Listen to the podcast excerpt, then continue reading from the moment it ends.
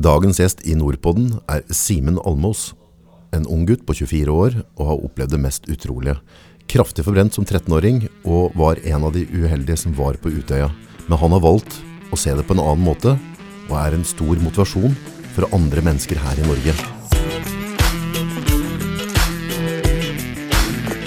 Velkommen til Nordpodden. Takk for det. Ja, hvor skal vi begynne? Jeg er litt spent på, på historien di nå. Det, vi prata litt før vi gikk på her, og da fikk jeg en sånn liten, uh, liten smakebit. Men jeg skjønner at her har vi mer å ta tak i. Hvem er Simen? Nei, hvem er Simen? Jeg er uh, 24 år. Eller i overmorgen så blir jeg 25, faktisk. Oi, oi, oi. Ja. Ja. Begynner å bli stor gutt. Vi skulle hatt kake her, vi da. Ja, skulle nesten det. Nei da, uh, 24 år, kommer fra Gjøvik. Eh, reiser rundt som foredragsholder. Ok. Mm, det er levebrødet mitt. Yes. Reiser rundt og inspirerer og motiverer mennesker til å leve. Leve livet. Leve livet. Gjør du det? Jeg lever livet veldig. Veldig? Ja, veldig. Ja, Er du fornøyd om dagen med sånn, du, sånn hverdagen ser ut? Ja, nå er livet veldig godt. Mhm. Men uh, det er klart, det har jo ikke alltid vært like godt. Uh, som du sier, jeg blei jo brent i en alder av eh, 13 år. Og det um, var jo eh, veldig tøft i den perioden her. Ja. Mm. Hvis jeg skal få lov til å være litt nysgjerrig, da. Uh, allerede før, før du var, hadde en liten ulykke, altså, åssen har, oppveksten din sett ut? Har, hvor er det du kommer fra, på en måte, følelsesmessig? Følelsesmessig så kommer jeg fra en uh, familie som um, uh, Som uh, alltid har vært veldig sånn jordnær.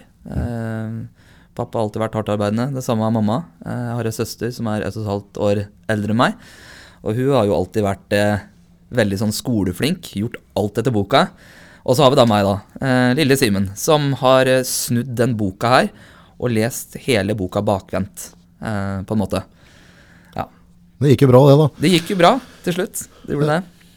Du, du ble forbrent, men i oppkjøringa til der oppe, altså, hvem var du som liten? Var du den som datt ned fra treet hele tida og hoppa og spratt, og, eller har du vært en sånn rolig dude? Jeg var nok heller den gutten som datt ned fra trærne. Ja. Jeg var den første som klatra opp, og den første som datt ned. Jeg var også den som hoppa lengst i slalåmbakken, og jeg var alltid den som eh, knakk et eller annet. Så det er på en måte alltid den gutten jeg har vært. Jeg har vært den gutten som alltid har likt å teste grenser, eh, og som alltid da har ja, gått på snørra. Så flott. Det Ja. er godt å gå på snøra. Det er deilig. Det er deilig. Han bygger, han bygger karakter, da. Det er noe med det. Eh, vi kan jo ikke komme utenom den, eh, den brannhistoria di. Hva skjedde egentlig? Hva skjedde den dagen? Nei, det her var jo da en høstdag. Ja. 6. august 2007. Jeg var eh, 13 år. Jeg var eh, hjemme aleine på Gjøvik. Eh, Det var en fin sommerdag den dagen her. Og eh, jeg bestemte meg for å lage en liten sånn røykeffekt av noe slag. Røykbombe. En bombe høres jo veldig sånn dramatisk ut, men det var en sånn liten røykesak, da. Ja. Og skulle lage masse røyk, og det skulle være kult og moro. Jeg lagde det her, og det ville ikke ta fyr. Det var bare en blanding av litt aluminiumsfolie og halm, så det var ikke noe veldig skummelt i utgangspunktet. Men så tok ikke det her fyr da, og det ble ikke som jeg hadde tenkt. Um, så jeg gikk da inn i garasjen, henta en tiliterskanne med nitrobensin. Jeg drev med radiofjernstyrt bensinbil på den tida. Så det her var en bensinblanding med ja, en 22% oljeblanding, da. Som brenner hinsides godt. Um, går da ut av garasjen. Um, går bort til den røykeffekten her, heller på. Men i det øyeblikket så er jeg uvitende om at inni denne røykeffekten her så er det fyr. Og det går da eh, Det går ikke eh, mange sekundene før det her går skikkelig galt. Flammen eh, Altså, det her antenner jo, så flammen svømmer opp igjennom bensinkanna. Den når da kanna, og det smeller. Bensinen den spruter på meg, og jeg antenner. Jeg begynner å kjempe en kamp mellom liv og død, rett og slett. Jeg løper i levende brann hjemme på gårdsplassen. Og det eneste jeg tenker på det tidspunktet her, det er at nå dør jeg. Det her overlever jeg ikke. Men eh, jeg greier å mobilisere nok krefter til å få slokka det her. Jeg kaster meg etter hvert ned i gresset, begynner desperat å rulle meg sjøl rundt. Og omsider, til slutt, så slukker flammene. Men jeg blir liggende en god stund på bakken da, før jeg greier å reise meg opp igjen på, på beina. Og da er egentlig alle klærne mine brent bort. Olabuksa mi var så å si brent bort. Skoa mine var så å si brent bort. Og T-skjorta mi hadde bare smelta inn i hele brystet og magen min. Jeg tenker at kanskje jeg greier å overleve det her, men jeg er da nødt til å få tak i hjelp. Greier å komme meg bort til nabohuset, for der sitter mamma inne på kontoret. Hun har hjemmekontor der. Detter omtrent inn kontordøra hennes der og møter et blikk eh, og et skrik som Ja, det kommer jeg aldri til å glemme, for å si det sånn. Men du var bevisst hele tida da? Jeg var, jeg var bevisst, ja. Det er helt utrolig at du klarte å beholde bevisstheten der. Ja, jeg, det, jeg var bevisst at jeg ikke svimte av. Det er helt utrolig. Men heldigvis så gjør mamma alt riktig. Hun tar tak i hånda mi, vi løper bort til huset vårt igjen. Hun kaster meg inn i dusjen. Um, og det er her, her jeg virkelig skjønner hvor alvorlig det her faktisk er. For jeg merker at vannet i dusjen ikke vil forsvinne. Etter hvert så retter blikket ned mot sluket, og jeg ser huden rett og slett begynner å renne av meg som såpevann og tetter igjen hele sluket. Og da skjønner jeg virkelig, virkelig hvor alvorlig det her er. Ambulansepersonellet er straks på plass nede i gangen. Der ble jeg lagt ned på båra. Eh, jeg blir bevisstløs. De frakter meg fra huset vårt til Gjøvik sykehus. Da er det borte. Da er jeg borte. Ja. Bevisstløs. De frakter meg til Gjøvik sykehus, gjør en rask vurdering der. Vurderingene er at de kan ikke gjøre noe med det her, for skadene mine er for omfattende og alvorlige. De sier at jeg må til Bergen, Haukeland sykehus. Uh, luftambulansen er da i området, har ingen passasjerer. Kommer til Gjøvik sykehus, plukker meg opp og flyr meg da til Bergen. Hvor jeg da får de her livsviktige operasjonene som berga livet mitt, rett og slett. Det, altså, når du, når du, det var jo snakk om 49% forbrenning av kroppen, var det? Stemmer. Da begynner vi å nærme oss en limit. Altså, det er jo begrensa hvor mye en kropp kan bli brent før den går i så sjokk at den rett og slett ikke overlever det. Det var en 50 sjanse for at jeg skulle greie det her. Ja. Men jeg var i veldig god fysisk form på den tida her. Jeg spilte alltid mye fotball, sto på ski. Og det, det var det som gjorde at jeg greide å overleve der. Mm. Og ikke minst kompetansen de har oppe i Bergen, på Haukeland. Ja, Hadde det her vært i et annet land, så hadde jeg ikke overlevd. Hadde ikke vært her i dag. Nei, for det, det, er, litt for nærhet der. Ja, det eh, var veldig nære. Mm. Tenk på det ut ifra noe så uskyldig som en røykbombe. Ja. Men sånn er vi gutta. Vi, vi liker å teste grenser. Det kjenner du sikkert til. I ung alder skal utforske, teste grenser, finne ut av ting. Spennende. Adrenalin. Og så er det det med å tenke konsekvenser, da. Men da, da har, vi, har vi hatt tolv døgn i, i koma. Tolv døgn i koma. Ja, og Så så våkner vi opp der, og da er jo ettermatten av en brannskade. Den eh, smerten kommer jo ofte i, i, i andre rekke når det brenner der. Altså, jeg veit at jeg hadde mye smerter, men jeg var, eh, jeg var så rusa jeg på det. Jeg fikk så mye smertestillende morfin at eh, jeg husker ikke de smertene, på en måte. Så smertelindring var, var de veldig flinke på da, der oppe. Men jeg veit at jeg hadde mye vondt, men jeg husker ikke smertene på noen måte. Det gjør jeg faktisk ikke. Så, mm, så jeg ble da liggende i koma tolv dager, våkner opp. Våkner opp til en ny hverdag. Jeg var jo da den gutten her som spilte fotball, sto på ski, alt mulig. Så våkna jeg på en seng, og jeg kan ikke bevege meg. Kan ikke røre meg, kan ikke stå oppreist. Liksom sånn krympa skinn og alt, eller? sånn? Ja, ja. Og det, det er ikke noe styrke. Det er, jeg skal begynne å bygge meg sjøl opp igjen. Ja. Fra scratch. Jeg var fortsatt gamle Simen, men gamle Simen i en helt ny kropp. Ja. Ikke hvilken som helst kropp, men en kropp dekka av masse skader og masse arr. Og 13 år gammel. Og det her, ja, når du er 13 år, så er kanskje det en av de mest sårbare tida i livet, hvor du skal Ja, finne deg sjæl, identitet, hvem er jeg, ikke sant? Alle det her. Og så havner jeg oppi det her. Og det, det blir en ufattelig stor eh, og tøff motbakke. Tilbake igjen til, til hverdagen. Når, eh, hvor lang tid tok det før du var hjemme igjen og tilbake på gutterommet, på en måte? Jeg er litt usikker på hvor lang tid det her tok, men det var vel fort en ja, To og en halv, tre måneder? To måneder? To Mm. måneder tror jeg det var. Noe sånt. Hvordan var det å møte hverdagen? For altså, en ting, altså, Du er på sykehus, det er smertelindring, du har oppmerksomhet, folk, altså, folk er motiverende og sånne ting, og så kommer den der gode gamle hverdagen.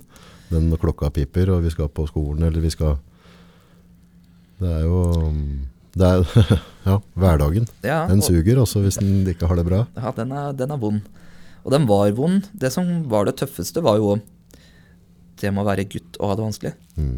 For vi gutta vi, vi prater jo ikke om å ha det tøft. Vi har det ikke vanskelig. Nei, nei, vi har et eget gen, vi. Vi bare fikser og ordner opp i alt. Ja, ja. Truer vi, da. Ja. Er, det ikke sånn? Jo, det er, det er nesten sånn. Nei da, det er akkurat det det ikke er. Eh, Det ser vi også i selvmordsstatistikken i Norge i dag. Sju av ti som tar livet sitt i Norge, sist jeg sjekka. Det er ofte det er unge menn. Mm. Og det her sier jo noe om at vi har vanskelighet til å sette ord på de tøffe periodene, de, de tunge følelsene. Eh, og det hadde jeg også vanskeligheter med. Hadde, du- hadde du tanken med å ikke være med mer? Ja. Jeg hadde jo ikke lyst til å leve lenger. Nei. Mista gnisten skikkelig? Ja. Når jeg våkner opp, så, så har jeg da to tanker når jeg ser meg sjøl i speilet. Og det er at jeg kommer aldri til å få en kjæreste igjen. og tanke nummer to er da at jeg, jeg ikke har lyst til å fortsette livet lenger. For jeg skjønner ikke hvordan jeg skal finne em, Finne den driven til å greie å komme meg opp igjen fra der. Eh, for det er, det er altså så mørkt på den tida. Ikke et lite lys i tunnelen? Er, de er små. Ja. De er veldig små. Så små at jeg ikke greier å holde ved dem. Men uh, heldigvis så har jeg hatt en helt fantastisk familie rundt meg. Ikke en perfekt familie, for den familien den finnes ikke. Alle strever og sliter med sitt. Ja, ja. Men jeg har hatt en familie som har stått i de tøffe taka med meg. Jeg har hatt en søster som, som satt ved siden av senga mi når jeg, hadde, når jeg var veldig varm. Jeg hadde veldig sånn temperaturforskjeller. Satt søstera mi ved siden av senga mi med den derre tilklipp i eh, papplata og vifta i, hånda, nei, vifta i ansiktet mitt, sånn at jeg skulle bli kjølig. Husker Var du komfortabel med å ta imot hjelp sånn? Eller var det litt vondt å, å erkjenne at du trengte hjelp for å Det var veldig vanskelig å ta imot hjelp. Ja, for det svir, det. altså Det suger. Ja, fordi du, jeg skulle i hvert fall håndtere det meste sjøl, da. Så, men jeg, som sagt, jeg hadde en fantastisk familie rundt meg, og spesielt da tilbake til den sykesenga her, hvor søstera mi sitter ved siden av meg med den her papplata og, og prøver å kjøle meg ned. Og plutselig så ser jeg inn i øya hennes, og hun begynner å gråte. Og så sier jeg 'Hvorfor gråter du, Synnøve?' Men det som da skjer, er at krampen begynner å ta henne, og hun bare fortsetter. For hun vil at jeg skal ha det bra, da. Så jeg har hatt en familie som Ja, de har eh, virkelig stått på nå for at jeg skulle greie å komme meg tilbake igjen. Og det er mye av grunnen til at jeg er her i dag. Jeg har hatt de som har eh, dratt meg videre når jeg sjøl ville gi opp, da. Lenge hold, holdt de tankene med deg, på en måte. Altså når, eh, hvor mye måtte du jobbe med deg sjøl for, for å bli kvitt dette der, eh, spørsmålet om at jeg tror det er bedre å slippe altså Livet mitt er såpass mørkt, så jeg ser ikke noe grunn til å fortsette. Når Altså, er det du fikk igjen litt lys eller motivasjon? Jeg husker ikke akkurat når jeg fikk igjen motivasjon til å komme meg opp igjen. Det var vel mer noe jeg bare måtte gjøre. Mm. Fordi de på Haukeland i Bergen så bare reiv de meg opp av senga, selv om jeg ville ligge der. Mm. Jeg skreik av smerter, det var opp og gå, det var bøying og tøying. De gjorde alt som jeg ikke ville gjøre. Så det var på en måte ikke noe valg. Du har ikke noe kjære mor der? Nei, nei, nei. nei. Så bra. Ellers hadde Vi, kan- vi kan si at Forsvaret er en ting. Ta, ta noen netter i, på brannskadesnittet oppe på Haukeland. Altså da, da får du kjørt deg. Ja. Ja. Så det, det var hardt. Og spesielt de fysioterapeutene, de la jeg konsekvent for hat. Ja. For um, sykepleierne de var kjempeålreite. De kom jo med jus og is og alt mulig. Men de fysioterapeutene de skulle bare gjøre ting som var vondt. Bøye og tøye. Og det er litt, litt vanskelig å, å ligge der i senga mens fysioterapeutdama ligger og vrir på deg, og det kjennes ut som armen er i ferd med å bli revet av. Da er det litt vanskelig å ligge der og se dem inn i øya og liksom si 'Å, det er jeg glad i'. Ja, takk. Ja. Takk Så de la jeg konsekvent for hat. Ja. Ja. Men eh, jeg er jo ekstremt takknemlig for det her i dag. Eh, for det her i dag. Um, så ja, det er de tøffe taka som har gjort at jeg har kommet meg opp igjen. Hadde du, fikk du et skille der du på en måte begynte å, å jobbe aktivt for å øke kvaliteten i ditt eget liv? At du på en måte skjønte at dette henger på skuldra mi. Det hjelper ikke å peke på den bensinkanna. Det har skjedd. Her må jeg ta tak. Det var vel ikke akkurat noe punkt eh, hvor, hvor på en måte hele bryteren uh, switcha. Hvor jeg plutselig fant den der motivasjonen at nå skal jeg greie å komme meg tilbake igjen til livet. Det var vel mer eh, de eh, rutinene som jeg måtte gjennom hver eneste dag. Rutiner, rett og slett? Ja, rett og slett. Jeg, altså jeg har mer tro på det om å tilegne seg gode rutiner enn Altså motivasjon. Det er, det, måte, det er jo det som får deg i gang, ikke sant? Mm. Men så er det da de her rutinene som, som holder deg eh, Som holder deg i gang, da. Mm. Motivasjon får deg i gang. Rutinene de holder deg i gang. Så jeg starta hjemme på gutterommet med litt pushups og sånn. For jeg fikk jo ikke til å gå. Jeg hadde pådratt meg en nerveskade i venstre bein som var ganske alvorlig. Mm. Som gjorde at jeg ikke fikk til å spille fotball og sånn lenger. Så jeg hadde Altså de mestringsarenaene jeg hadde tidligere, de var plutselig også borte. Men så fant jeg litt eh, inspirasjon i å ta litt eh, pushups og sånn hjemme, så det blei en god vane for meg. Jeg trente en halvtime om dagen.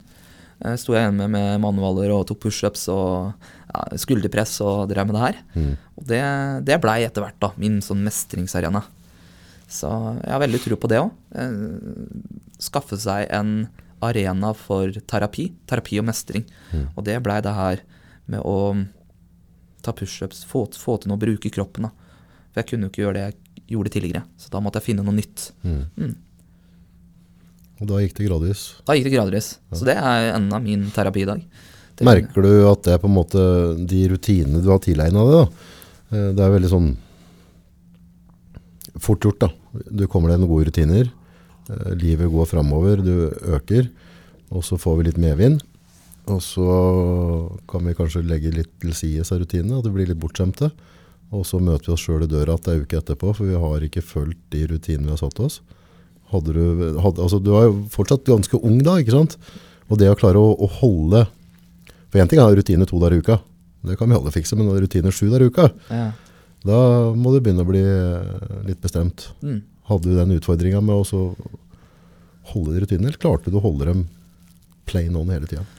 Uh, ikke, ikke, jeg greide ikke å holde de rutinene hele veien, men det blei etter hvert ukomfortabelt å ikke følge de rutinene som på en måte gjorde at jeg greide å komme meg videre. F.eks. når mamma da skulle slippe meg av og jeg skulle inn på skolen, Mm. så hadde jeg alltid en sånn greie om at jeg skulle prøve å løpe inn på skolen. Ja. Jeg greide det ikke. Jeg ble sånn haltende. Men hver eneste dag, det gjorde jeg hver eneste dag når mamma eh, slapp meg av. Ja. Så sto hun, og så satt jeg, eller satt i bilen, da. Og skulle se på meg at jeg skulle, skulle på en måte løpe inn. Jeg greide det ikke i starten, men det gjorde jeg hver eneste dag. Og en dag da, så glapp det skikkelig, og jeg greide faktisk å løpe inn på ungdomsskolen. da. Så um, det gikk gradvis. Jeg gikk inn på den eh, skolen eh, med krykker. Starta med sånn haltende eh, gange. Og så endte det til slutt opp med at jeg greide å løpe inn på, på, på skolen. da. Um, så jeg har veldig tro på det her, det med rutiner. da. Ungdomsskolen. Eh, Det, det å, å være ung og gutt, og for så vidt jente òg, så er det på en måte Vi må jo ha en, en plass, da. Altså, jeg må ha min plass, du må ha din plass. Åssen var det å finne din plass etter det du på en måte hadde gått gjennom? Hvordan, for du spilte jo fotball før, klatra treet, ramla ned. Og nå snakker vi om en gutt som har et mål om å klare å løpe inn til skolen.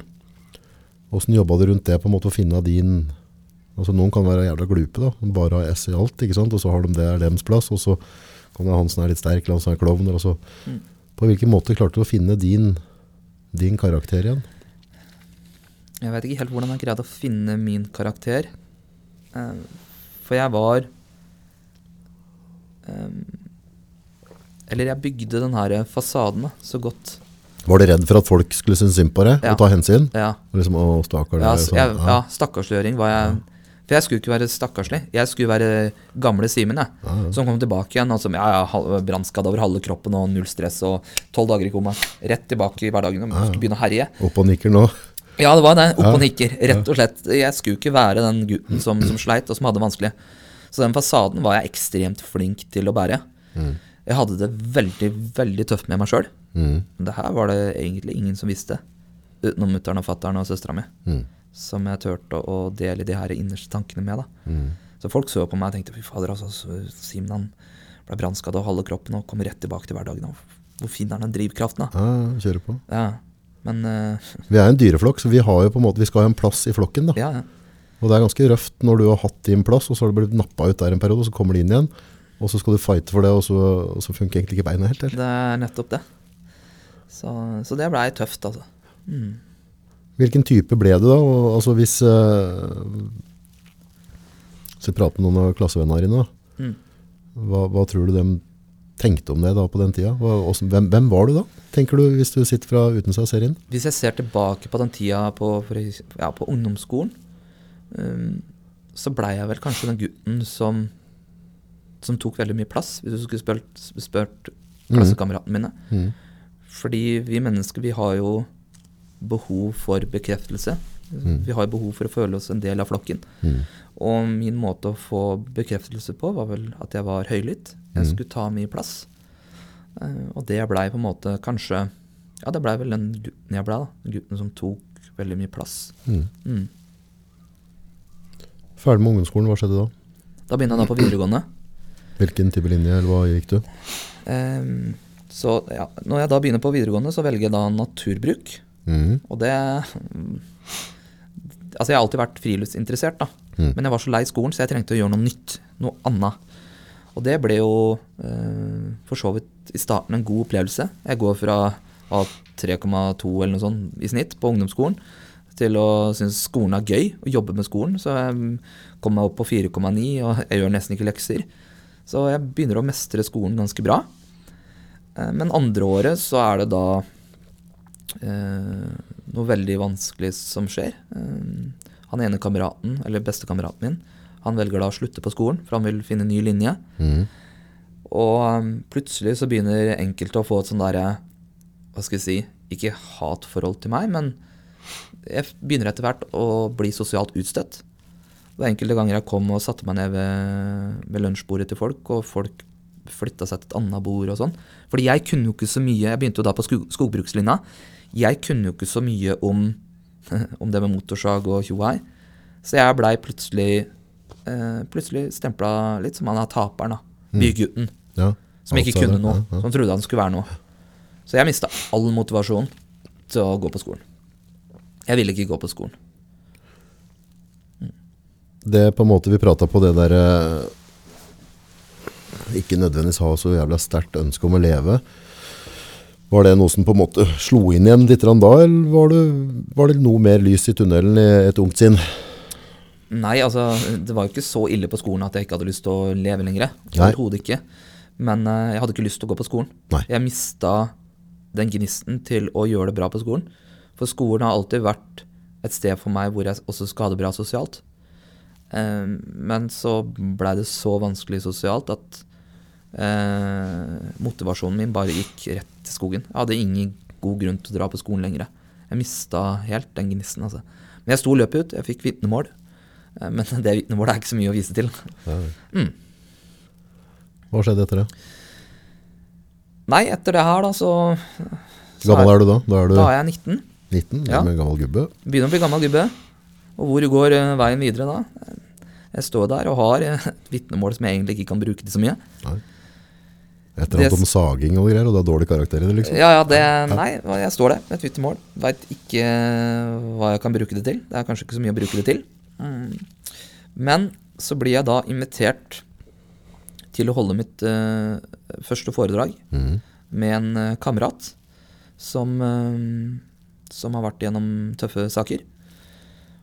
Og responsen der blir ganske bra. Mm, Så fikk jeg da litt lyst til å gjøre noe videre ut av det her, men det blei ikke noe, på en måte.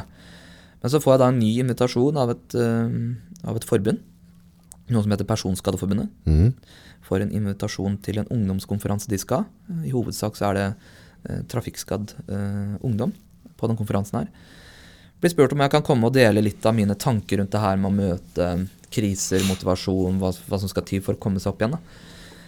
Og jeg var jo ikke komfortabel med å holde foredrag eller prate foran en flok, flokk med mennesker, selv om jeg alltid Jeg har ikke vært på en måte vært så redd for å rekke opp hånda i klassa, men det med å stå foran en flokk og skal eksponere seg sjøl på den måten tenkte hva, hva er det jeg har gått med på? Uh, på en måte, Det her blir veldig veldig personlig, selv om jeg hadde gjort det før. Men da hadde jeg med meg en kamerat. Nå skulle jeg plutselig gjøre det her aleine og gå inn på de virkelig, virkelig personlige eh, sakene. da. Og jeg hadde jo sikkert 25 jerntepper i løpet, av den, eh, i løpet av det foredraget her. Jeg måtte jo ha pause, og jeg sto skalv. Jeg greide ikke å få fram ord omtrent. Men etter det foredraget her, så var det folk som satt med tårer i øya og skulle, nå skulle de ta tak i livet sitt. Og så fikk jeg meldinger måneder seinere Ja. fra folk som satt i rullestol, og som virkelig som skulle opp igjen på beina. Yes. Og da fikk jeg den herre Jeg har trua da, på at jeg faktisk kan, kan gjøre en forskjell her ute. Kan bidra. Jeg kan bidra, rett og slett. Og det var da jeg fikk den her trua på at det her, det her er jeg faktisk nødt til å gjøre noe mer ut av. Det er det her jeg, jeg skal drive med, kanskje. Kanskje jeg skal reise rundt og inspirere og motivere mennesker til å leve mer, til å, eh, til å finne håp da, når livet er svart. Og det var der ballen starta, da, med foredragsvirksomheten min. Begynte du da på en måte en reise det med å, å studere hvordan skal jeg snakke til folk, eller hvordan angrep du dette videre? Hvordan, hvordan, gikk, altså, hvordan gikk livet videre? Eh, reisa fram til nå i dag, da, her vi sitter nå med en kaffekopp og Ja, altså, jeg skulle jo bli eh, fulltidsforedragsholder over natta. Ja. Etter, eh, etter den eh, seansen her, da, på den, på den ungdomskonferansen. dagen etterpå. Ja, ja, ja, da skulle jeg være fullboka, det her skulle jeg leve av, og Ikke sant? Garantert greier. Liksom. Ja, ja, ja, det var ikke noe stress. Det her skulle Simen Halmås fikse, vet du. Ja, to positive meldinger, og jeg bare Ja, ja, det her Yes, Nå- kjører vi! Nå gønner vi på. Ja, ja, ja. Men eh, det Jeg blei ikke fullboka over natta, for å si det pent. Ja. Det blei en, eh, en veldig tøff reise. Mm. Jeg lagde jo et Word-dokument og punsja ut til skoler og, og, og sånn, men eh, responsen var jo ikke så bra som jeg hadde tenkt. Nei. Jeg fikk det var ett eller to foredrag. Så det var en start. Eh, Og så tenkte jeg, men hva kan jeg gjøre nå, da? Nå har jeg på en måte gjort det jeg kan. Jeg har sendt ut mailer, jeg har tatt opp noen telefoner. Hva skal jeg gjøre videre ut av det her, om det ikke går, da? Så på veien hit vi sitter her i dag, så har jeg drevet med så mye. Jeg veit ikke hva jeg ikke har drevet med. Jeg har jobba i barnehage. Jeg har uh, jobba som uh, Jeg jobba for øvrig med mediebyrå. Sittet som selger. Jeg har uh, Jeg veit snart ikke hva jeg ikke har gjort. Jeg har gjort så mye, da. For jeg tenkte at jeg må jo ha noe å leve av i mellomtida. Eh, og det har jo vært eh, det tøffe. Um, og å ha den her trua på seg sjøl at det her skal jeg lykkes med. Når det er eh, mennesker rundt deg som ser at det her ikke går i veien, og som hele tida sier til at eh, kanskje du skal gjøre noe nytt, kanskje du det her ikke går veien, på en måte. Mm. Eh, Og når du får den fra mennesker du har veldig stor tiltro til, som du har veldig stor tillit til, som du stoler på, eh, det er tøft. Det er veldig tøft å sitte der da ved siden av det, se de nye og si at det her skal jeg få til. Det her skal jeg gjøre. Og jeg husker spesielt det var én gang. Det her var vel tre år siden. Så satt jeg i bilen med en veldig god kamerat av meg. Han er for øvrig en av mine beste kamerater i dag. Og så spør han åssen går det med den foredragsvirksomheten din. Og akkurat på den tida her så går det jo ikke spesielt bra. Så sier jeg nei, det går ikke sånn veldig bra, men eh, jeg jobber nå på å prøve å få det til, da. Og så sier han til meg «Ok, men kan du ikke gjøre det her på deltid? Og så sa jeg det er ikke det her jeg skal gjøre på deltid. Det her skal jeg få til, uansett koste hva det koste vil. Og um, han har sagt til meg, det er veldig få da som har sagt til meg etterpå, for jeg vet det er en del som har tenkt ja, kommer noen gang til å få det til. Men i ettertid da, så har han sagt til meg at jeg er så glad for at du aldri hørte på meg, at du tok det rådet og skulle gjøre det her på deltid, eller finne deg noe annet, eller gi opp der da. Um, for det her har jo vært med å endre liv. Jeg sier ikke det for at se på meg, men eh, mine tanker og det jeg faktisk har valgt å stå fram med, det har vært med å dra liv. Uh, mennesker som har stått på randen av å ta livet sitt. Det har dratt i en helt annen retning. Og, og det er jo så Ja, jeg må si stolt at jeg greid å stå i den prosessen da, og trua på meg sjøl, og endelig fått det til. Ge- Helt ok karamell å sutte på det. Ja, det, er veldig, det føles veldig godt. Ja, du er i hvert fall på vei, ikke sant? Altså, Ja. du, jeg ville tro at du har ambisjoner videre. Så. Ja. Men motivasjon, altså i den perioden da, du er innom barnehager, du er innom forskjellige ting, hvordan klarer du på en måte å holde pulsen oppe, når, og, og hva, er det som får pumpa di til å tikke da? For det er, det er jo litt sånn tøft, ikke sant? Du regner med at du skal få noen foredrag, så har det kanskje foredrag du ikke føler deg helt happy med? Så kommer en etterpå, så sitter du der og føler sånn, «Ah, jeg skulle ha sagt det, jeg skulle ha gjort sånn, jeg skulle avslutta der, jeg skulle dratt litt lenger. Det er en del sånn doubts da, Mm. eh, som du sitter med i ditt eget sinn, og så kanskje hvis du på en måte ikke har folk som gasser rundt deg, det vi egentlig ønsker er at du skal ringe meg August, jeg tenker på det her, så sier du et eller annet sjukt, så bare, yes, kjør på, dette har jeg trua på. Det er det du vil. Ja, ja. Men folk er jo liksom generelt litt skeptiske da, Ja. uten å egentlig mene det vondt, tror jeg. Nei. Det er bare på en måte at det ligger i oss. Mm. Hvordan, hvordan takler du det? Det med å ikke gi opp. Jeg takla ikke det Altså, jeg hadde jo mange Jeg har hatt mange tunge stunder. Det må jeg si. Samtidig som jeg har hatt den der indre troen på at det her skal jeg få til. Så øh, Jeg har også omgitt meg sjøl med mennesker som har vært på samme reise som meg. da. Mm. Som har hatt lyst til å drive med noe eget. Øh, starte sitt eget. Jeg hadde vært flink til å hente råd og tips og energi fra sånne mennesker. da. Eh, men jeg husker tilbake i 2016 så hadde jeg Jeg hadde jo ikke penger og skulle på en måte overleve. Det har ikke vært synd på meg, det har det ikke, Nei, fordi jeg har, hatt, jeg har hatt en familie som eh, alltid har sagt at her er det husly. Mm. Eh, selv om mamma og pappa har vært veldig sånn skeptiske til kommer han noen gang til å lykkes, Mm. så har de på en måte i bunnlinja stått der og, og trua da, på at det skal bli noe ut av meg. Ja. Men jeg husker tilbake i 2016, jeg hadde så lite penger. Um, men da husker jeg at jeg gikk på Finn, for jeg hadde jo ikke jobb på den tida her. Så tenkte jeg, hva skal jeg gjøre nå? Så jeg gikk på Finn, gis bort, den kategorien. Og så dro jeg rundt i Gjøvik, og så henta jeg ting som folk ga bort gratis. Som jeg så at ah, hvis jeg pusser og ordner og vasker litt på det her, så kan jeg greie å selge det videre. Mm. For jeg skulle jo på ferie, jeg hadde ikke penger. Så jeg reiste rundt med hengeren til mutter'n og bilen hennes. Jeg reiste rundt og henta ting da, som jeg da solgte videre. Så da henta jeg en gassgrill, gassgrill til 500 kroner. Fiksa og ordna litt på den. Så henta jeg en eh, løveblåser, henta den, solgte den videre. Og det her gjorde at jeg greide å overleve. da. Så ja, jeg tenker at altså, hvis du har gjort alt i din makt eh, i forsøket til å få til noe, så skal jeg synes synd på deg. Det kommer ikke til å gjøre situasjonen bedre, men da kan jeg synes synd på deg. Men jeg nekter å synes synd på folk som sitter på sidelinja, og som ikke har gjort alt i sin makt for å få det til. Det, jeg kan føle med mennesker, men jeg syns ikke synd på mennesker. Eller jeg sier ikke det til dem, da. At eh, 'å, deg er det synd på, stakkars deg'. Jeg tror at vi må Altså, skal du få til ting, skal du opp og, og, få til noe i livet ditt, så må du ta 100% ansvar for den situasjonen du står i. Og det er det, det jeg har gjort etter hvert, da. Det å ta, ta ansvar, som du sier, det krever jo at en reflekterer litt rundt sin egen væremåte, sine egne tanker, sitt eget handlingsmønster, ikke minst. Er det noe du jobba aktivt med? Fikk du noen rutiner rundt det? Altså, altså, du har jo blitt en reflektert type, da. Så du må jo ha grubla litt opp igjennom. Men har du henta inspirasjon fra andre der, eller har du på en måte bare laga veien etter som har gått den? Jeg har jo veldig tro på at vi blir Vi blir eh, Vi mennesker vi former, et, former oss etter de eh, omgivelsene vi er i. Um, og jeg kom jo fra en familie som De er ressurssterke. Mutter'n og fatter'n har, alltid vært ressurssterke. Eh, så der har jeg nok fått en, en god del. Um, men nå husker jeg ikke helt spørsmålet ditt, og datt jeg litt ut her.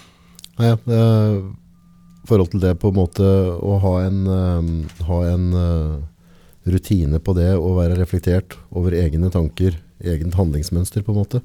Hva du jobba rundt der for at du på en måte ikke skal dette av det lasset. For det å klare å motivere seg sjøl, på en måte. Altså du, motivasjon kommer jo ikke av seg sjøl, på en måte. Altså, hadde, du rutiner? Er det andre mennesker du har hørt på? Har du, har du vært bevisst på hvem du omgås for å, for å holde deg oppe, da? Ja, så Jeg har alltid vært bevisst på eh, at jeg må omgi meg sjøl med mennesker som, som tenker stort. Som tør å tenke stort og tør å tenke høyt. Som tør å ha tro på seg sjøl. Så det har jeg alltid vært flink til. Jeg har alltid liksom vært sånn der, kutta ut mennesker som har gitt meg dårlig energi, da, eller som har, som har på en måte vært for, jeg, for realistiske. da. Mm. Um, men jeg hadde jo ikke veldig mye sånn rutiner på den tida her. Det hadde jeg ikke. Eh, Annet enn eh, trening og, og, og ja, den biten. Men det hverdagslige rutine hadde jeg egentlig ikke så mye av. Så det var vel for tre, to, to og et halvt, tre år siden, ja, to år siden, jeg fikk inn da en som ville jobbe med meg. Mm. Um, han heter Åsmund. Rådyktig fyr. Og han er kjempe sånn struktur, strukturmenneske. da. Altså Jeg er veldig glad i å gjøre det som er gøy. Jeg, Ja, ja. jeg er kjempeglad i å gjøre det som er gøy. er gøy. Det som er kjedelig, det, det vil jeg ikke gjøre. Nei. Man må jo gjøre noe dritt for å ha det gøy òg. jo, jo, klart. Men, eh, men jeg har noen områder som jeg ikke er så flink på. Når det kommer til det her med Ja, det med å sette meg ned, sitte og gå gjennom mailinglister, ta opp telefonen. Jeg vil reise rundt og prate. Jeg vil tilegne meg sjøl in, uh, informasjon. Jeg vil dele kunnskap. Det er det jeg brenner for. Så da kommer da Åsmund inn i bildet, som da er med og egentlig drar hele den skuta her videre. Så nå jobber vi aktivt sammen i dag. Han står for alle bookinger, han, det er han som har ordner og fikser med det. Eh, og så er det jeg som reiser rundt og, og prater. Så det, det førte til en veldig stor endring for meg. Og det var helt tilfeldig. Han blei behandla litt dårlig i jobben og ville gjøre noe nytt. Hadde ingen plan. Så sier jeg til han ja, men kan ikke du prøve å booke noen foredrag for meg? Fordi jeg får det ikke til. Og han setter i gang, og bare fra den dagen så eksploderer det. Ting bare bare skyter i været. Så det er jeg veldig tro på. Få inn eh, mennesker. Eh, ta lærdom fra mennesker som er flinke på det området du sjøl er dårlig på. Mm. Den uh, brannskaden var jo på en måte en sånn game changer i livet ditt. Det snudde jo hele livet på huet, og du måtte på en måte skape deg et nytt liv. Har du hatt andre ting uh, i oppveksten og fram til nå som har på en måte vært med å prege deg som menneske og, og forma deg til den du er i nå? Har du på en måte Det er klart, eh, 2011 ble jo et veldig tøft år for meg. Eh, jeg er jo i dag også en av de som overlevde Utøya 22.07. Var med på, eh, eller opplevde massakren der ute. Og det blei jo et eh, ja, nytt og saftig slag i trynet. Mm. Et tilbakefall. Det, dere har sett så mye fælt og sett alle de tingene, så greide jeg ikke bare å komme tilbake til hverdagen og skulle på en måte fortsette livet. Og bare leve og finne alt det gode og fine. Hvor mye skal et menneske sinn tåle? Ja, det er noe med det. Um, så det blei tøft. Det gjorde det. Men um, jeg kom meg gjennom det også, med hjelp av uh, gode folk rundt meg. Funnet mye støtte i søstera mi. Hatt veldig mange gode og fine samtaler med henne. Hun dro jo fra Utøya tre timer før det her skjedde. Fordi hun måtte jobbe. Så tre timer før det her skjer, før gjerningspersonen ankommer Utøya, så står da mutter'n og fatter'n på kaia, plukker opp søstera mi og kjører til Gjøvik. Uh, hun hadde med seg da en venn ut dit, som aldri kom tilbake. Så jeg tror nok kanskje også ja, Søstera mi har kanskje slitt enda mer enn meg, på mange måter. Med skyldfølelse og alt, alt det her. Men vi har funnet veldig mye støtte i hverandre. Og prata veldig mye om det her, da. Så um, Hva var foranledningen til at du reiste dit? Altså, var du der over flere dager, eller åssen altså, Du reiste ut samme dagen, eller hvordan, Nei, altså, hvordan havna du der? jeg, måten jeg havna der, var at eh, søstera mi sa at eh, det var en sånn kul ungdomsleir Ja. hvor jeg kunne dra ut på en sommerøy, ha det kjempekult, være på masse sosialt, spille fotball, volleyball. Så derfor jeg dro dit, for å ha det sosialt og gøy. Og så var det kåra til Norges beste sjekkested. Ikke sant? Altså, da, da er jo gutta solgt, så jeg ringte jo kameratene mine og, og spurte om de hadde lyst til å være med. De bare ja, ja, kult, det er vi med på. Så dette var jo kjempemoro og skulle bli sommerens vakreste eventyr. Og på mange måter så har det blitt sommerens vakreste eventyr for meg. Um, for jeg valgte å skille de to hendelsene her. Uh, for Utøya 2011 for meg, det er ikke trist og fælt. 22. juli er det, Mm. men ikke Utøya 2011 for meg. Utøya 2011 for meg, det er eh, fine sommerdager, det er volleyballspilling. Det er når vi knuste Hedmark i fotballturneringa. ikke sant? Oppland og Hedmark er jo fiender. Vi knuste dem så det sang etter. Når vi spilte ja, volleyball, når vi bada seine sommerkvelder. Og det er det eh, jeg dyrker videre. Da. Det er det som er eh, de her fine lyspunkta som jeg velger å dyrke videre, og som jeg velger å holde ved. Hvordan var rutina der ute, på en måte? Og hva, hva var liksom Opp tidlig om morgenen, spise frokost. Altså, hvordan, hvordan, var, var det å være på Utøya? Nei, Utøya var eh, kjempemoro, men vi vil ville jo ikke lære så mye om politikk. Nei, nei. jeg og gutta. Så hver gang det var sånn obligatoriske workshops, så stakk jo vi av. Mm. Med hvert vårt håndkle og stakk på baksida av øya og bada. Og lederne lurte på hvor er det gutta blitt av, og løp rundt hele øya da, for å finne oss. Um, så, så rutinene var jo Det var mye som skjedde der ute. Mye, som sagt, mye workshops, mye sosialt. Uh, ja. Mye bra mennesker, da. Mm. Og så, så skjedde jo på en måte det som aldri skulle ha skjedd. Eh, Gikk det opp der for det tidlig at her er det noe som er galt? Jeg skjønte jo i det øyeblikket gjerningspersonen kom ned på teltplassen med et våpen, eh, og hvordan folk gråt og var frustrerte, og ja, hvordan energien var da, fra de som hadde sett det som hadde skjedd eh, litt tidligere, nede ved bakken. De hadde da løpt opp til teltplassen til oss, og måten de gråt på og skriker at det er noen som skyter, så begynner de å forstå alvoret. Det var ikke så drøyt at du bare tenkte at det er en dårlig film, liksom. Altså, at inntrykket ble så mye sånn at du Eller fatta du med en gang at her er det krise? Jeg fatta, fatta det når jeg så uh, det var ei jente som, som løp, og som sklei i et sånt gjørmehull. Mm. Og måten hun prøver å komme seg opp igjen på beina på, og gråter og skriker at det er noen som skyter. så skjønte jeg at det her er alvor. Og så har jeg drevet med konkurranseskyting sjøl. Og da når neste skudd kommer, så skjønner jeg at det her er ikke tull. Er, det her, her er det faktisk noen som skyter.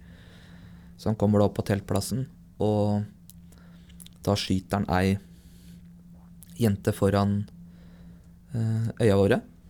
Hun dør momentant. Um, og det var ei venninne, faktisk. Ei vi møtte der, ble, eller ei jeg ble kjent med der ute. Uh, som jeg fant ut i ettertid, var hun, da. Og da bryter panikken løs. Så det er litt sånn komplisert hvordan jeg gjemte meg, og sånn, men jeg gjemte meg på øya der da, til det mm. hele var ferdig. Mm. Blir da plukka opp i båt, kjørt til Sundvolden Sundvold hotell. Og da, på det tidspunktet her, så er jeg uviten om mine to kamerater som jeg har tatt med ut dit, er i live. Og jeg tenker at de har blitt drept. At mm. de er døde. Mm. Men i det øyeblikket de kommer inn eh, den hotelldøra eh, Jeg hører noen som skriker 'Simen, Simen'. Og så ser jeg de kommer inn den hotelldøra, da, og må, de bare holder rundt hverandre på og gråter, det, det er en av mine livs sterkeste øyeblikk. da.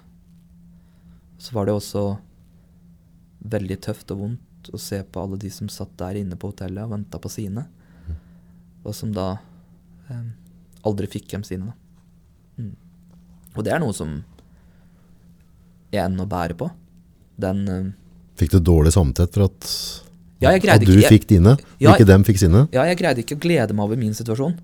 Nei, For det er jo helt for jævlig, hele greia. ikke Ja, jeg greide ikke å glede meg over min situasjon, fordi jeg var så heldig. Eh, Søstera mi var i live. Hun var, hjemme på, eller var på vei til Gjøvik.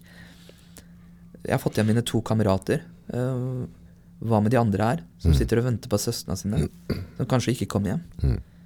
Og det, det er noe jeg ennå føler på.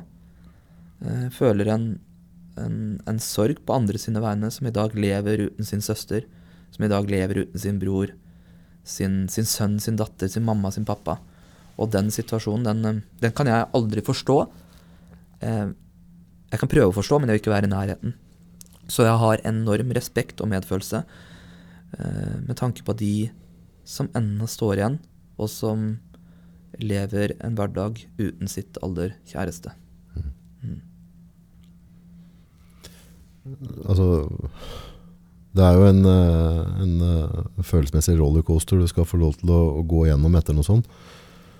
Men uh, har du klart det uten å forkvakke sinnet ditt med hat? Og sinne? Hat og sinne var der i starten. Ja.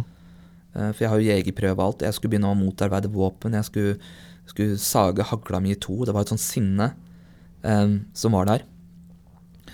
Men uh, jeg fant etter hvert ut at sinne, det kommer ikke til å ta meg noe sted videre. Um, det som etter hvert tok meg videre, det, det er ett ord, og det er takknemlighet. Mm. Takknemlighet med tanke på at jeg fikk lov til å bli kjent med de menneskene som dessverre ikke er her lenger i dag. De skulle gjerne vært her i dag. Mm.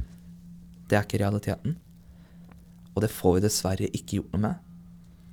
Så jeg gå videre i livet mitt med, med den tanken at jeg var heldig og fikk lov til å bli kjent med de menneskene her. Og fikk lov til å skape noen mindre opplevelser som jeg skal ta med meg hver dag ut i livet. Jeg kunne også vært så uheldig og aldri bli kjent med dem. Og for noen så kan det være veldig sånn uh, feil måte å gå videre på, og det er helt ok. Jeg har ikke fasiten, men det her er riktig for meg. Og vi skal alle ha lov, vi skal alle ha rett til å gå videre i livet på den måten vi sjøl føler er riktig. Og de som ennå står igjen i en håpløs sorg i dag, det, det, må de få lov til. Eh, jeg har ikke fasiten. Jeg har fasiten for min egen del. Eh, men vi mennesker er ikke like. Og vi må ha respekt for at vi, vi håndterer ting på helt ulik måte, og vi kan ikke ja, Jeg kan i hvert fall ikke sette meg inn i den situasjonen til de som aldri fikk hjem sine, sine kjære. Altså Situasjonen min kunne vært totalt annerledes om ikke jeg hadde fått hjem søstera mi eller mine to kamerater. Så Så ja. Men det uh, ordet takknemlighet, det er noe vi alle bør tenke litt over. Altså, er det med å øke altså, den situasjonen du er nå, da. Nå sitter du i en situasjon der du kan røre ved andre mennesker i en positiv retning. føler du på en måte en stor takknemlighet at du har nettopp blitt den Simen du har blitt, og at du faktisk kan få lov til å ta del i andres menneskers liv på en positiv måte? Helt klart. Og ehm, Og ja, det, det er en sånn Jeg er Og det har jeg vært, egentlig. Det var sånn 2016, da, så flytta jeg jo da ut hjemmefra. Jeg flytta til Oslo. Jeg hadde ikke penger. Men så slo jeg meg da sammen med to, uh, to kamerater på den tida. Uh, som heller ikke har så mye penger, men de skal opp og kjøre, kjøre i gang sitt eget firma og full pakke. Så vi tar da og, og leier en kjempestor leilighet midt i Oslo sentrum. Uh, og det vi da gjør, er at vi begynner med utleie av de to andre romma i den leiligheten her. Vi, vi tre vi bor sammen på ett rom. Så leier vi da ut de to andre romma gjennom Airbnb. Og det er sånn her vi får, får ballen til å rulle, da. Og jeg, eh, jeg hadde jo ikke mye penger på den tida, men jeg var ekstremt takknemlig, og jeg er ekstremt takknemlig. Det må bare kunne være i live, det må bare kunne gå. Altså, gjennomsnittsmannen i, altså i, her i Norge spiser tre til fire måltider hver dag. I dag, bare i dag, så døde 25 000 mennesker under fem år av sult. Altså, det er så mye å være takknemlig for. Altså, gjennomsnittslønna til nordmannen her, det er ca. 1400 kroner. Over halve eh, befolkningen, altså jordas befolkning, lever på under 20 kroner dagen. Og ja, alt det her har bare gjort meg så ufattelig mer lykkelig og takknemlig, da. Fordi jeg veit den derre andre sida av livet, hvor fort ting snur. eh, Og det med å verdsette det jeg har, da. Sjøl om ikke ting er perfekt. Og når vil ting bli perfekt? Er det fort gjort i Norge å bli utakknemlig, rett og slett? Ja, jeg tror det er fort gjort å bli utakknemlig. Fordi vi kan alltid tjene mer, vi kan alltid bli noe mer. Vi kan alltid kjøpe oss større hus, eh, få høyere utdanning. ikke sant? Det er alltid noe mer. Hva betyr det hvis du er bare fucked innvendig? Hva, hva mente du nå? Hvis du er ødelagt innvendig, at du på en måte, at, altså, for du, er du utakknemlig, så har du jo ikke et liv. Nei, nei. Så hva betyr det store huset da?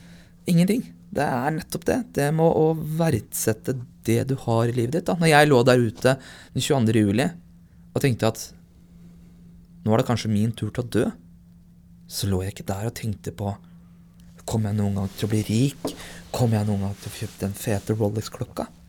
Det jeg lå og tenkte på, var de små øyeblikka med familien min. Den idiotiske middagen vi har hatt hver dag klokka fem, som jeg syns har vært helt tåpelig. Den, den tacofredagen vi har hatt hver fredag, som jeg også syns har vært helt tåpelig, fordi jeg, jeg har heller hatt lyst til å være med vennene mine og game. Men det var de her små øyeblikka som jeg alltid har tatt for gitt, som plutselig i løpet av ett sekund blei alt. Det er det livet for meg handler om. Jeg skal være veldig forsiktig med å uttale meg om hva andre sitt liv skal handle om, men for meg så handler det om de øyeblikka her. De små øyeblikka som jeg opplever hver dag med personer jeg er så ufattelig glad i. Det er der livet skjer. Og så er det ofte de øyeblikka her vi tar for gitt. Og hva skjer når vi tar noe for gitt i livet? Vi kaster det bort, og vi ser ikke verdien av det før det er for seint. Jeg vet det Det å starte dagen eh, hjemme hos meg Jeg har jo tre jenter, to døtre og ei kone. Eh, og jeg reiser ganske tidlig hjemmefra, så de fleste sover jo godt. Men bare det er bort, og så snuser hver enkelt av dem, gir meg kyss på panna og klapper litt på skuldra, det betyr mer enn hele den dagen kan tilby, egentlig. da. Å være takknemlig for det. Tenk å ha, tenk å ha sin egen familie. da. Friske, fine unger. Og ikke minst det at det, at det ser ut som at det kan være et, et bidrag for dem. At det kan være med å bidra på en eller annen måte i positiv retning. Det er noe jeg er takknemlig for. Ikke sant? Og det skriver ned en rød bok og det hver dag òg. Ja. Du har takknemlighetsbok, det er bra. Ja, jeg Ja. skriver eh, hva jeg er takknemlig for, og så skriver jeg ned måla mine, hvor jeg skal. Og så ønsker jeg noen noe godt. Og dem jeg ønsker godt i all hovedsak er hvis det er noen jeg har et anstrengt forhold til, så står det med boka der.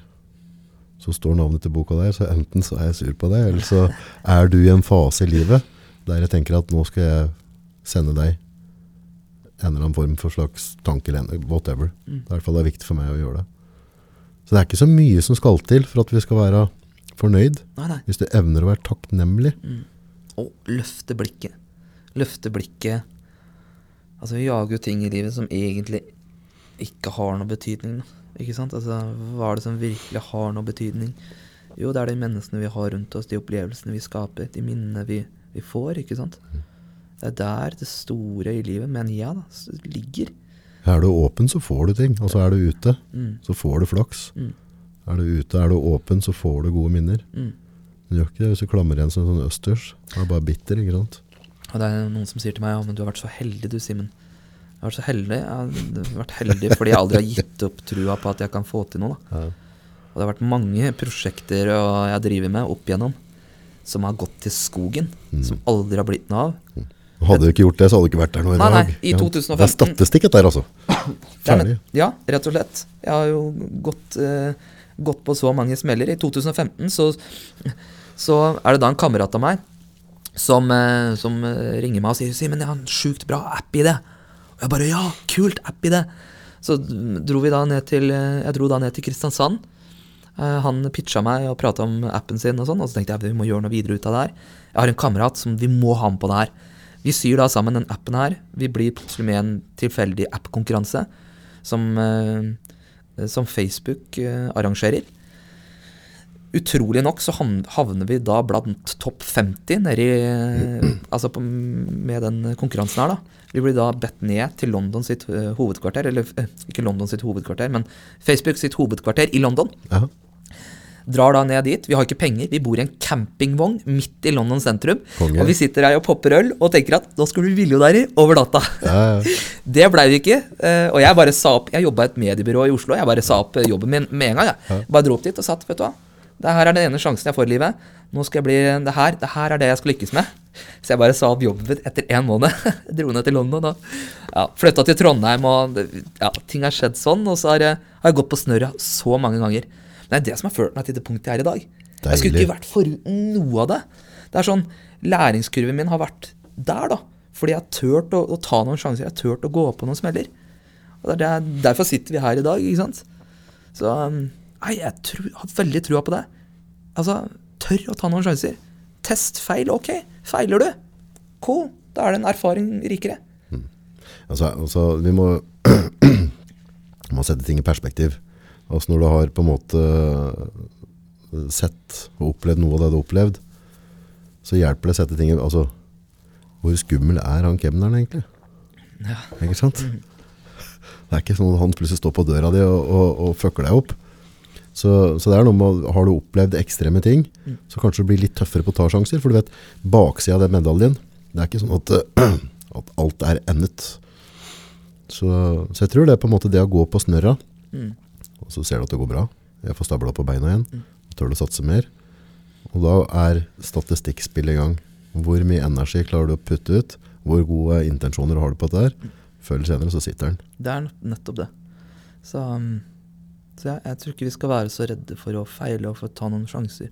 Så klart, sjansen må jo være, være litt tenkt igjennom. Okay, hva er konsekvensen av det her hvis det ikke går? Og det er klart, vi må jo tenke noen konsekvenser òg. Vi kan jo ikke bare handle på i, Impul- nei. det, det går ikke. Vi må, nei, ha, vi må ha også ha, ha noen forventninger, men ofte så tror jeg det også er forventninger vi har til hvordan livet skal være, eller, hvordan, eller hva vi forventer som suksess, som ofte gjør at vi begrenser livskvaliteten vår også.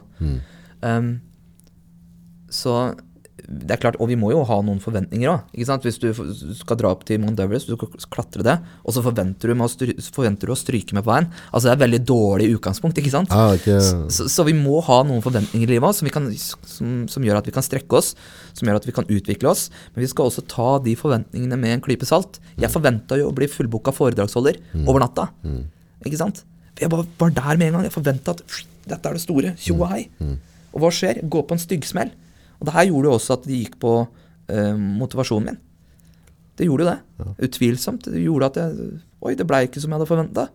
men du hadde jo tydeligvis da den sikkerhetsbryteren i Skolten, da. Det hadde jeg. Så du hadde vett på å gå og kjøpe den grillen og selge den. Ja, ja. Ja, for det er noe med det òg, ikke sant? For vi kan sette oss ned og sipe, ja. og så bare si det funka ikke, liksom. Jeg er ferdig. Dette går ikke. Så på en måte så jeg, jeg ser jo den også Det er ikke sånn at jeg har lyst til å motivere alle til å bare klatre opp til Mount Everest, liksom. For altså, sjansen der for at det kan gå galt, er jo absolutt til stede. Men jeg tror det er veldig mange, sånn, når vi snakker motivasjon, så er det veldig mange som som øh, jobber som øh, et eller annet, og så er den største drømmen å være snekker. Mm. Der er ikke fallhøyden så stor, tenker jeg. Altså, det er ikke noe sånn der, Så prøv det, da. Prøv et år. Ja. Det er ikke sånn at banken kommer og tar huset ditt med en gang. Gidd å stå opp litt før andre, gidd å legge ned energien, så vet at du klarer det. Mm. Så sant det ikke mangler alle tomla da. Og det kan godt at du klarer det da òg. Mm. Altså, det er folk som får det til da òg. Mm. For det er jo sånn på en måte at uh, hvis du drar pluggen i, i Segenor nå og sier at sorry August, du er konk, tror ikke du kommer til å se at det ikke er i drift igjen i morgen med et eller annet. Ikke sant? Så det er noe med altså, uhell, dritt, Mm. det kan vi ikke kontrollere i mange tilfeller. Noen ganger så får vi det servert om vi ønsker det eller ikke. Men den som bestemmer egentlig hvem du er, det er hvordan du håndterer den dritten etterpå. Jeg er helt enig, og det må gjøre seg sjøl til offer.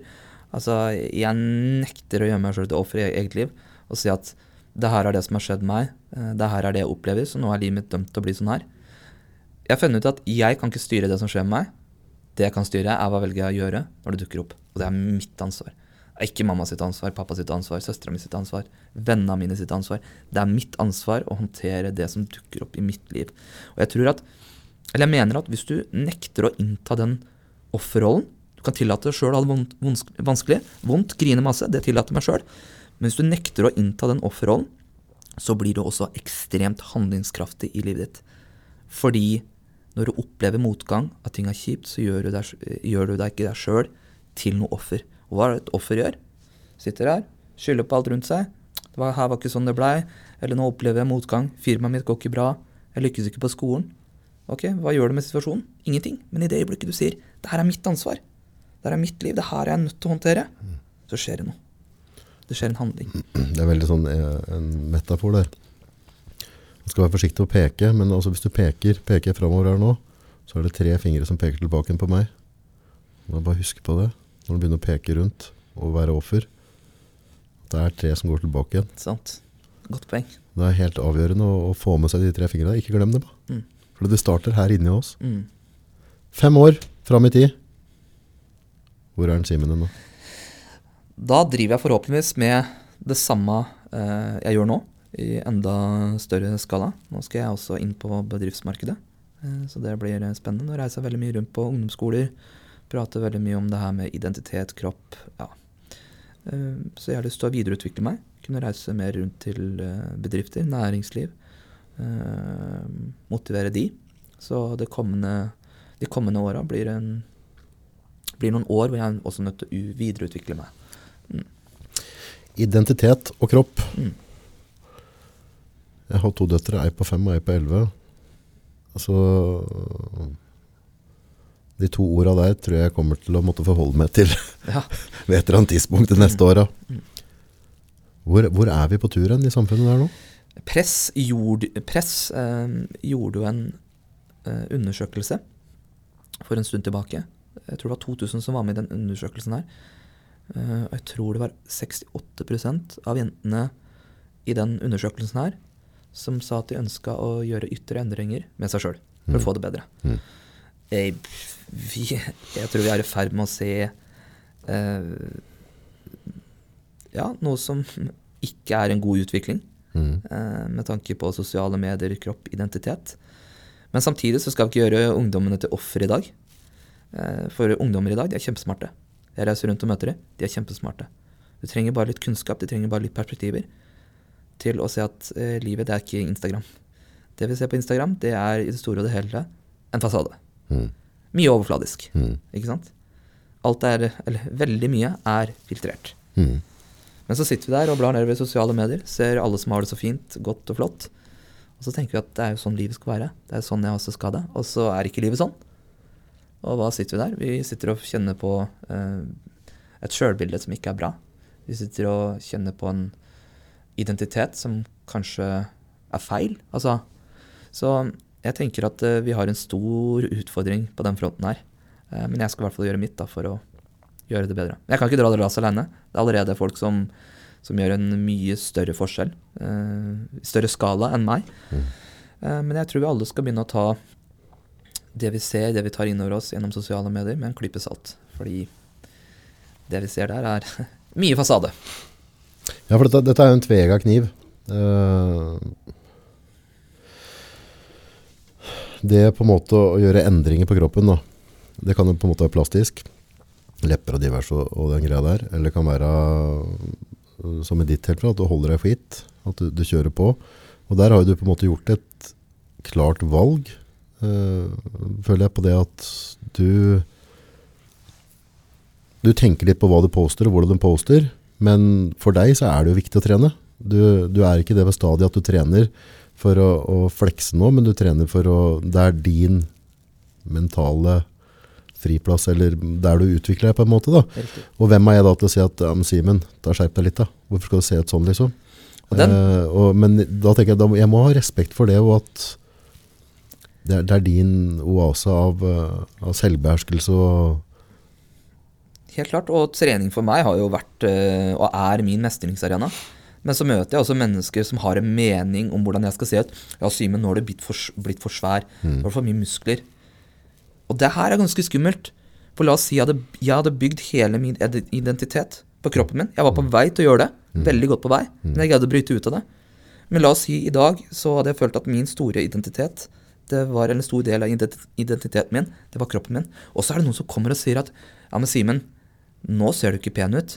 Nå burde du kanskje bli mindre eller slutte å trene. Altså, vi skal være veldig, veldig forsiktige med å ha en mening om hvordan andre skal se ut. Alle skal ha rett til å se ut som de sjøl ønsker. Em, hvis du vil ha blått hår, så skal du få lov til å ha blått hår. Hvis du vil ha biceps, så skal du få lov til å ha biceps. Men det vi skal ha i tankene, det er at alt vi poster på Instagram, sosiale medier, bak hvert bilde, så er det en intensjon. Vi ønsker å få likes, vi ønsker kanskje å få bekreftelse, eller vi ønsker å spre budskap. Det kan være helt ulikt. Det er en intensjon. Hva ønsker vi? Og bak den intensjonen, i det vi poster, så er det også en konsekvens. Jeg kunne, jeg kunne bygd min Instagram-konto sånn. Ved å gjøre det her, bygge det på kroppen min. Jeg har valgt å ikke gjøre det. Jeg var på vei dit. Jeg hadde 2700 følgere for to og et halvt år siden. Jeg sletta hele Instagrammen min. For jeg tenkte at hvordan vil det her påvirke mennesker rundt meg?